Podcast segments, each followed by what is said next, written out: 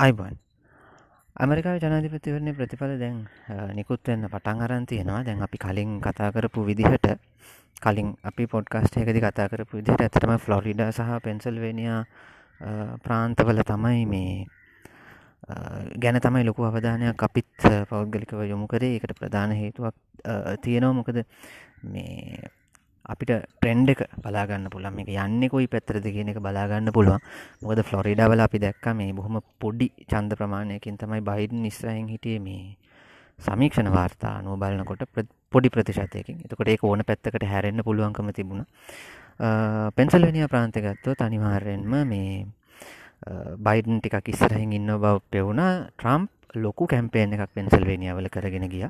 ඒක හින්දා අපි හිතුවා අපි තීරණය කර ෆ්ලොරිඩ සහ පෙන්සල්වෙනිය ප්‍රාන්ත දෙක ගැන තමයි ඇත්තටම බලන්න ඕනි කියලා අවධාරණය. ඉතිං දැන් දැන් ඇවිල්ල තියෙන ප්‍රතිඵලවල හැටියට දැන් පේන්න තියෙන විදිහට ඒ ප්‍රාන්ත දෙකම ට්‍රම්ප් ජයග්‍රහණය කරන ලකුණු පෙන්නුම් කරනවා.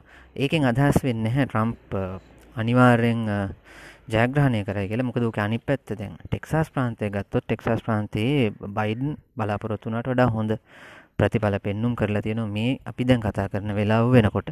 ඉතිං නිකං හරි බයිඩන් ටෙක්සස් ප්‍රාන්තය ජයග්‍රහණය කරෝතින් එහෙම තරගේ එතනින්ම හවර වෙනවා. නමුත් ෆ්ලොරිඩ ප්‍රාන්තය ගත්තොත් අපි ෆ්ලොරිඩා ගැන ටිකක් වැඩිපුර කතාකරොත් සාමානෙන් අපි දන්න හුඟක් ප්‍රාන්තවල නාගරික ප්‍රදේශවල තමයි ඩිමොක්‍රටික් නැඹුරුව තියෙන්නේ ග්‍රාමිය ප්‍රදේශවල. රිපබ්ලිකන් නැඹුරුවක් තියෙන්නේ. දැන් ෆ්ලොරිඩාවල ගත්තොත් එහෙම තියෙන තත්ත්වය තමයි මේ සාමාන්‍යයෙන් ඩිමොක්‍රටික් නැඹුරුවක් තියෙන ප්‍රදේශ කීපයක් තියෙනවා. ඒ කියන්නේ දකුණේ විශේෂයෙන්ම මේ ගිනි කොන දිගට වෙන්න. ඔය මියාමි නගරය සහ ආශ්‍රිත ප්‍රදේශය මියාමි ඩේඩ් කවුන්ටිය එක සහ වෙස්ට පාම් බීච් ඒ ප්‍රදේශය ගත්තම ඒ ප්‍රදේශ ඩිමොක්‍රටික් නැඹුරුවක් තියෙනවා ලොකුවට. එතකොට ඒ ප්‍රදේශය නැඹුරුව රිපබ්ලිකන් පක්ෂය අල්ලන්නේ අනික් පැතිවලින්. විශේෂම ෆ්ලොරිඩවල උඩ කොටස ෆ්ලොරිඩ පෑන් හැන්ඩල් කියන එක. ඒක හුඟක් වෙලාවට රිපබ්ලිකන් තද රිපබ්ලිකන් ඕය අතරමැද්ද නගර කීපයක් තියෙනවා. දැන් ටලහසී නගරය සාමාන්‍යෙන් ඩිමොක්‍රටික් පැත්තට බරයි. එතන නිකං අර තනිකර රිපබ්ලිකන් ප්‍රදේශයක තියෙන ඩිමොක්‍රටික් දූපතක් වගේ ටලහසි තියෙනවා. ඉට අමතරව අනික් පැත්තෙන් ඔය නැගෙනහිර වෙරලේ ෆ්ලොරිඩවල නැගෙන වෙරලි උතුරේ තියෙනවා ඩිමොක්‍රටික් පොඩි ප්‍රදේශයක්. ඊට අමතර රට එකන ප්‍රාන්ති මැද්දට ආවම ඔර්ලැන්ඩෝ තියෙනවා. ඊට අමතරව මේ ඔය සැන් පීටස් බර්ගේ ආශ්‍රිත ප්‍රදේශය තියෙනවා. ඇතින් ඕවා සාමානෙන් ඩිමොක්‍රටික්. නමුත් අනික් ප්‍රදේශ ඔක්කොම රිපබ්ලිකන් ෆ්ලොරිඩවල එතකට ඕක තමයි මේවයක වෙන්නේ.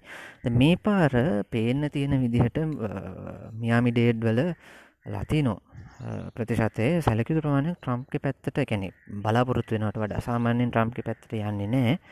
නමුත් ට්‍රම්ප්ක පැතට ගිහින් තියෙන බවක් පෙන්නුම් කරනවා. එකට හේතුවක් තියෙන මොකද ඔය පැත්තේ ඉන්න හුඟක් ලතිනෝ කට්ටිය දැන් අපි ලැටිනෝ ලැටිනෝ කිව්වට එහෙම නැත්නම් හිස්පැනික් හිස්පැනික් කිව්වට ඒගොල්ලෝ එක එක රටවල් වලින් එන්නේ දැන් ඔය ටෙක්සාස් වල ඉන්න හුඟක් අය මෙක්සිකෝ පැත්තෙන් එන අය ෆ්ලොරිඩාවල ඉන්න ගොඩක් අය කිව්බාව පැත්තෙන් එන අය සමහරු වෙනසු වෙලා වගේ රටවල්ලින් එන අය ඉන්න. එතකොට දැන් විශේෂම මදුරෝ එක්ක තිබ්බ ගට්ටනයත් එක්ක සහ කිව්බාවත් එක්ක තිබ්බ ගට්ටනයත් එක්ක ඔය පැතිවල ඉන්න ලතිනෝ කට්ටිය ට්‍රම්ප්ගේ පැත්තට ටිකක් නැඹුරු වීමක් දකින්න තියෙනවා. දැන් මේ පේන විදිහට ඔය දැන් සමීක්ෂණ වාර්තාවලින් බයිඩන්ට පොඩි ලීඩ් එකක් දුන්නට අන්තිමට බලනකොට ට්‍රම්ප් ඉස්සරහට ඇවිල්ලා තියෙන්නේ.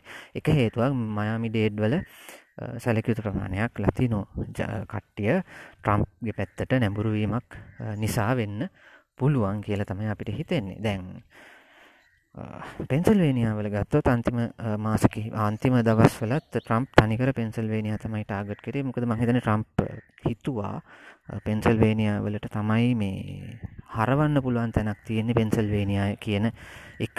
යා අන්තිම දවස් දෙක තුන වෙද්දි තීරණය කරලා තිබුණේ. ඒ නිසා අන්තිම දවසේ මං හිතන්නේ රැලි හතරක් විතර ඔහු පෙන්සල්වේනියාවලදි කතා කර. ඉතින් ඒක ප්‍රතිඵල තියෙන බවක් යම් ප්‍රමාණයකට පේන්න තියෙනවා.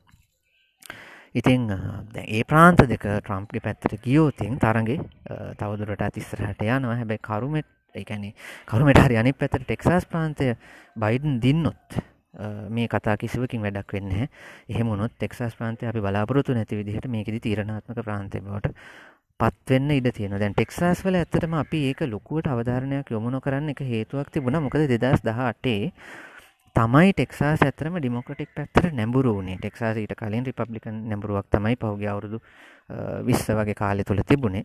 දැන් ටෙක්සස් දෙදස් දහ අටේදි පොඩි ඩිමොක්‍රටික් නැඹරුවක් පෙන්නුම් කර. නමුත් එතන විශේෂ අවස්ථාව මොකද? ටෙක්සාස් වල සෙනට් සභික ටෙඩ් කරස්. ටෙඩ් කරස්ට ටෙක්සාස් වල තියෙනව පොඩි අකමැත්තක්. ඉතිං ඊට අමතරව අනි පැත්තෙන් බීටෝරූක් ඉදිරිපත් වනේ ඩිමොක්‍රටික් පැත්තෙන් ඔහු තරුණ නායකයෙක් පොඩි ජනප්‍රියත්වයක් තියෙනවා. තරුණ චන්දදායකයෝ ඔහුවට එකතු වෙනවා. එහෙම. ඉතින් ඒ වගේ විශේෂිත අවස්ථාවක් හිද තමයි දෙදා දහටේදි ඔය මිට්ට මිලෙක්ෂන්ස් කියන එකේදී ටෙක්සාස් වැදගත්තුනේ නැත්තන් ටෙක්සාස් සාමාන්‍ය Republican strong Republican deep red state එකක්.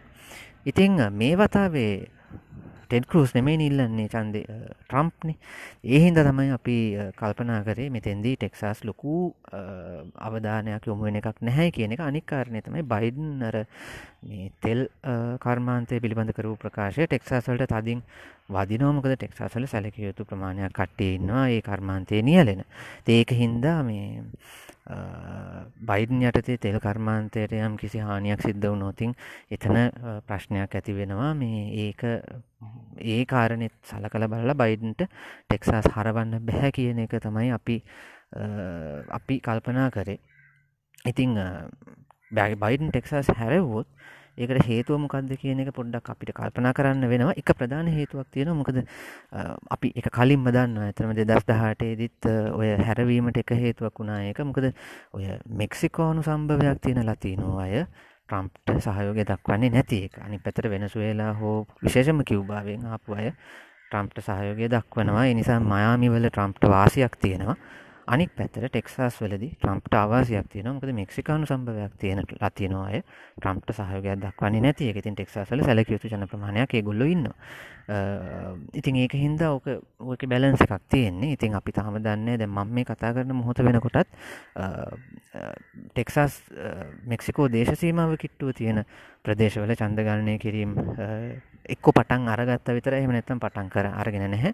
ඒක බයිඩන්ට වාසිවේ කියලා හිතන්න පුළුවන්. ඒක නිසා අපි දන්නේ මොකද දැන් එක වැඩේ තියෙන දැන් ඔය ස්විං ස්ටේට්සල විශේෂ මේක කියන්න ඕනේ. ප්‍රතිඵලවලින් සියට පහලවක් විස්සක් ආව කියලා අපිට මුකුත් හිතාගණ්ඩ බෑ. මොකද මේ ඒ චන්දය ගණන් කරලා තියෙන කොතනද කියන අපි පොඩ්ඩක් බලන්න ඕනේ. දැන් පෙන්සල්වේනියා වගේ තැනක් වුණත් නගරවල චන්ද කොච්චර ගණන් කරලා තියෙනවද කියන එක හරියට තීරණය කරලා තමයි අපිට හිතාගන්න පුළුවන් මේක මේ මොකක්ද වෙන්නේ කියලා. මොකද නගරවල සාමානයෙන් ඩිමොක්‍රටික් නැඹුරුවක් තමයි තියෙන්නේ. ඉතින් ඒක ඒකයි අර එකැන දැන් ග්‍රාමිය ප්‍රදේශ ගත්තොත් සාමාන්‍යයෙන් ජනගහනය අඩුයි. ග්‍රාමිය කියන්නේ අපි මේ ප්‍රධාන නගර ආශ්‍රිතව නොවන ප්‍රදේශවල. එතකොට ඒවයි කවුන්ටිං සාමාන්‍යෙන් සමහර විට ඉක්මට ඉවර වෙන්න පුළුවන්. ඉතින් ඕක ඔය ඕක බලන්න ඕන කොහෙන්ද කව කොහෙද මේ කියල විශේෂම ස්විං ස්ටේට්ස්වල පොඩි චන්දගානකින් එහා මෙහා වෙන්න පුළුවන් හිද හැම වෙලාවකම මේ චන්දසයට විසි පහක් තිහක් ආවයි කියලා අපි කෝල් කරන්න එහිද තමයි ඔගොල්ලු බැලුවන ඔගොල්ලු ගෝගල් කරම හොයාගන්න පුළුවන්. ප්‍රධාන නිවසේජන්සිස් විශේෂම ඇසෝසියට ප්‍රෙස් යනාදී නිවසේජන්සිස් සමහර වෙලාට සමහර ප්‍රාන්තවලින් සියට අනුවක් ප්‍රතිඵලාව වෙලාවට චන්ද කෝල් කරන්නේ නෑ එකනෙක් කාගෙවත් පැත්තට කෝල් කරන්නේ මොකද හේතුව? ඉතුරු ටිකෙන් වුණත් වෙනස් වෙන්න පුළුවන්කම තියෙනවා. ඒක තීරණය වෙන්නේ චන්ද ගණන් කරලා තියෙන්නේ කොහෙද? ඒ පැතිවල කී දෙනෙක් චන්ද දාලාද? ඒ වගේ කාරණා ඔක්කොමත් එක්ක. මොකද අන්තිමට බලනකොට තමන්ගේ පක්ෂයව චන්ද පොලට ගෙනියන්න පුළුවන් වෙලා තිබ්බ පැත්තට වාසියක් තියෙනවා. ඉතින් ඒකත් මෙතෙන්දි සල කළ බලන්න ඕනේ. ඉතින් ඒ ඔක්කොමත් එක්ක තමයි තියෙන්නේ. හැබැයි අපි බලාපොරොත්තු වෙච්ච විදිහටම ටෙක්සාස් සහ පෙන්සල්වේනියා තීරණාත්මක වුණා.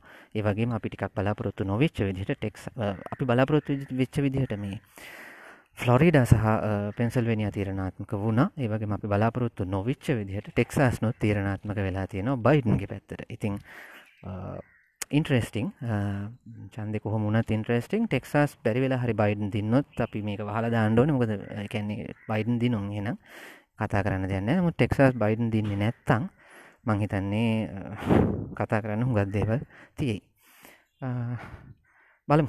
තවටිකකින් අපි ආය හම්බෙමු.